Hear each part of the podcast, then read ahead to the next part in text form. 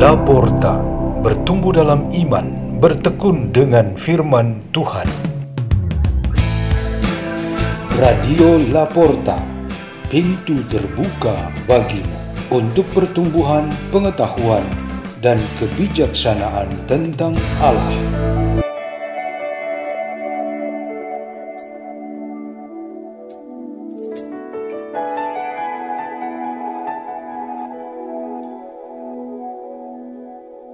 Bacaan dan Renungan Sabda Tuhan Hari Jumat Pekan ke-7 Masa Paskah 26 Mei 2023 Dibawakan oleh Vitalis Jalanu dan Veronica Sempang dari komunitas Pukat Labuan Bajo, Keuskupan Ruteng, Indonesia.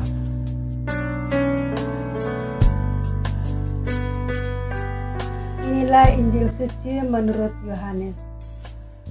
Yesus yang telah bangkit menempatkan diri kepada murid-muridnya. Sesudah mereka sarapan, Yesus berkata kepada Simon Petrus, "Simon, anak Yohanes, apakah engkau mengasihi aku lebih daripada mereka ini?" Jawab Petrus kepadanya, "Benar Tuhan, engkau tahu bahwa aku mengasihi engkau." Kata Yesus kepadanya, Gembalakanlah domba-dombaku. Kata Yesus pula kepadanya untuk kedua kalinya. Simon, anak Yohanes, apakah engkau mengasihi aku? Jawab Petrus kepadanya, Benar Tuhan, engkau tahu bahwa aku mengasihi engkau. Kata Yesus kepadanya, Gembalakanlah domba-dombaku Kata Yesus kepadanya untuk ketiga kalinya, Simon, anak Yohanes, apakah engkau mengasihi aku? Maka sedihlah hati Petrus karena Yesus berkata untuk ketiga kalinya, Apakah engkau mengasihi aku? Dan ia berkata kepadanya, Tuhan, engkau tahu segala sesuatu. Engkau tahu bahwa aku mengasihi engkau. Yesus berkata kepadanya, Gembalakanlah domba-dombaku. Aku berkata kepadamu, sesungguhnya ketika masih muda engkau sendiri mengikat pinggangmu, dan engkau berjalan ke mana saja kau kehendaki. Tetapi jika engkau sudah menjadi tua, engkau akan mengulurkan tanganmu, dan orang lain akan mengikat engkau dan membawa engkau ke tempat yang tidak kau kehendaki. Hal ini dikatakan Yesus untuk menyatakan bagaimana Petrus akan mati dan memuliakan Allah. Sesudah mengatakan demikian, ia berkata kepada Petrus, "Ikutlah aku."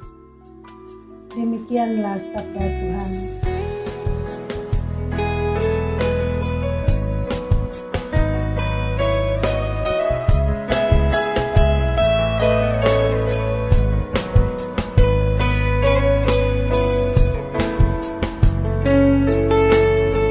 Renungan kita pada hari ini bertema Pembenaran kita dari Tuhan.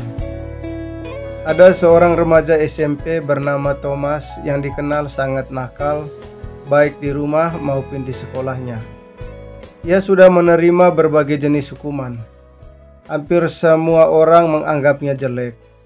Hanya kedua orang tuanya yang masih memiliki harapan bahwa Thomas dapat berubah pada suatu waktu kelak. Ibunya berpesan, bahwa saat pergi dan pulang dari sekolah ia harus sempatkan diri masuk ke gereja dan berdoa, mengingat ia selalu melewati jalan di depan gereja. Pada suatu hari terjadi keributan di kelas dan sekali lagi Thomas yang dituduh sebagai pelaku utamanya. Padahal sebetulnya tidak seperti itu. Ia merasa sangat disudutkan. Semua menyalahkan dia Ketika selesai sekolah, ia masuk gereja dan berdoa. Ia berseru kepada Tuhan, "Ya Yesus, saya nakal dan saya sangat sedih dengan semua perbuatan saya. Tetapi tidak semua kesalahan berasal dari saya. Hanya saya gampang sekali dituduh melakukan semua kesalahan dan kekacauan. Saya ingin menyerahkan semua ini kepada Tuhan sebagai pengadilku yang benar, karena di dunia ini tidak ada pengadilan yang benar. Pengalaman Thomas ini adalah juga pengalaman Yesus Kristus dan Santo Paulus dahulu. Mereka tidak mendapat pembenaran dari dunia ini, maka mereka datang kepada Allah pemegang kebenaran mutlak untuk mengadukan perkara pembuktian kebenaran. Pembenaran dunia ini sungguh berlawanan dengan pembenaran Tuhan.